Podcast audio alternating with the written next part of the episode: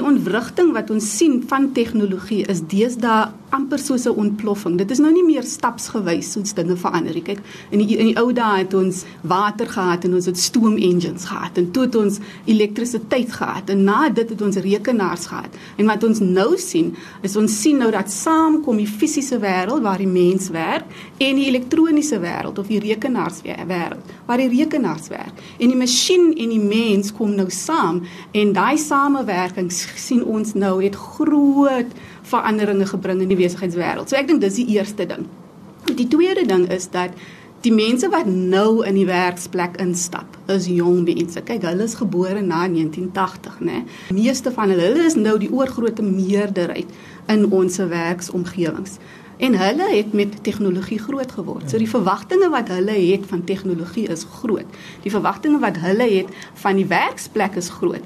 En boonop, omdat hulle met tegnologie groot geword het, kan jy nou maar nou net vir jou indink die dinge wat hulle mee vorendag kom, die ontwerpe wat hulle meer vorendag kom. So die nuwe goed wat ons kan doen, die verskillende goed wat ons kan doen.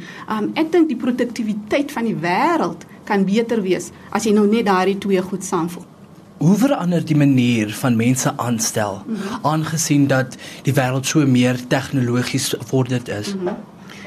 Ons sê mos nou deesdae tegnologie ken nie grense nie, né? En jong mense ken ook nie grense nie. So die manier waarop hulle verwag dat die wêreld van werk met hulle moet saamwerk is hulle verwag dat jy moet op die internet wees en jy moet e-posse hê en hulle vergelyk vir verskillende werksomgewings met die tipe werkomgewing waar hulle wil werk. En die werksomgewing waar hulle wil werk, is die werkomgewing waar alles is meer kreatief. Daar is meer samewerking. Ons deel meer.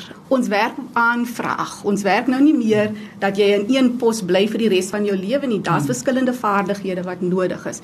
So as jy die persoon is wat die nuwe persoon soek wat vir jou by jou wil moet kom werk, jy moet verander hoe jou maatskappy lyk. En ons sê eintlik digitaal aan die buitekant wat ons doen vir ons kliënte, maar ook digitaal aan die binnekant wat ons doen vir ons werknemers en ons werkgewers. Wat is die werksmag van die toekoms?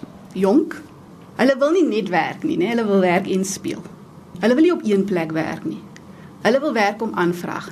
Dit is die tipe mens wat vryskut werk doen. Ons het nou meer uitkontrakterings wat ons mee besig is.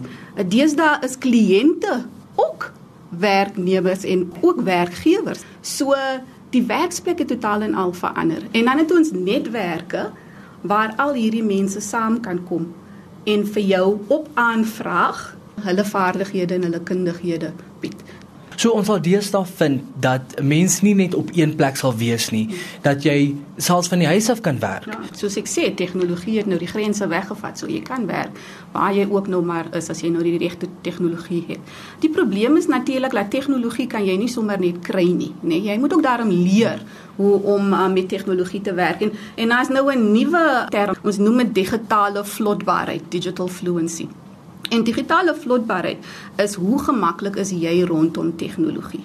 Is tegnologie daar as 'n hulpbron vir jou of is dit besig om 'n hindernis vir jou te wees? So dit is belangrik vir die persoon, die individuele persoon om te leer hoe om tegnologie te gebruik want as jy weet hoe om tegnologie te gebruik, dan het jy die vermoë om enige plek te werk. Is dit in 'n koffiewinkel, is dit van die werk af en so voort. Tweedens natuurlik het jy dissipline nodig. En jy moet daarom kan opstaan en jy moet daarom jou werk kan klaarmaak. So dissipline is dink ek is ook is ook vreeslik belangrik.